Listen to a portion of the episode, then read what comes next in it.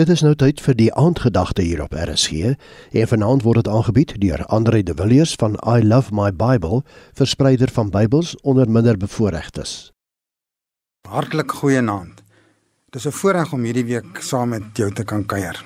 Was vandag een van daai dae wat jou op hierdie oomblik laat voel ek het eenvoudig net nie meer hoop vir my situasie, probleme en my bekommernisse in hierdie woeste, wrede wêreld nie. Luister dan bietjie na hierdie ware verhaal. Op 5 Augustus 2010 stort 'n myn in duie in San Jose, Chili, daar deur in Suid-Amerika. Gou hoor die hele wêreld die verskriklike nuus. 33 myners is vasgekeer 701 meter onder die grond.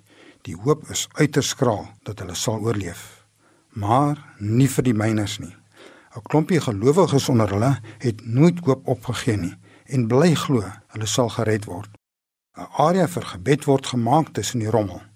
Bo by die ingang van die myn word 'n kamp opgeslaan vir die familie. Die kamp van hoop doop hulle dit. Almal bid en hoop en hou aan glo. Na 'n merkwaardige reddingspoging wat 'n hele klompie ongelooflike deurbrake, eintlik maar wonderwerke ingesluit het, word al 33 myners na 69 dae gered. Toe hulle uitkom, kyk baie van hulle na bo en sê hulle het die hele tyd gevoel daar was 'n 34ste myner saam met hulle. Ja, Jesus. Hoe kon hulle so lank uithou en moet hou? Toe die een myner uitgetrek word, vuil en moeg, maar vol vreugde, was sy eerste woorde: Ons het bly glo. Ons het geweet ons gaan gered word. Meer as 1 miljard mense het die finale reddingsaksie regstreeks op televisie gevolg en 'n paar jaar later is daar ook 'n rolprent van die aangrypende verhaal vervaardig. Wat is jou situasie?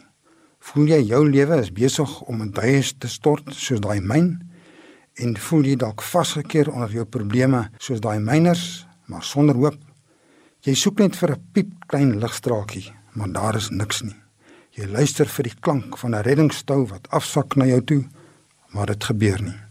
Wag jy op gewone menslike dinge om te gebeur of wag jy op die een wat jou permanente hoop kan gee en red van jou haglike situasie en al jou probleme?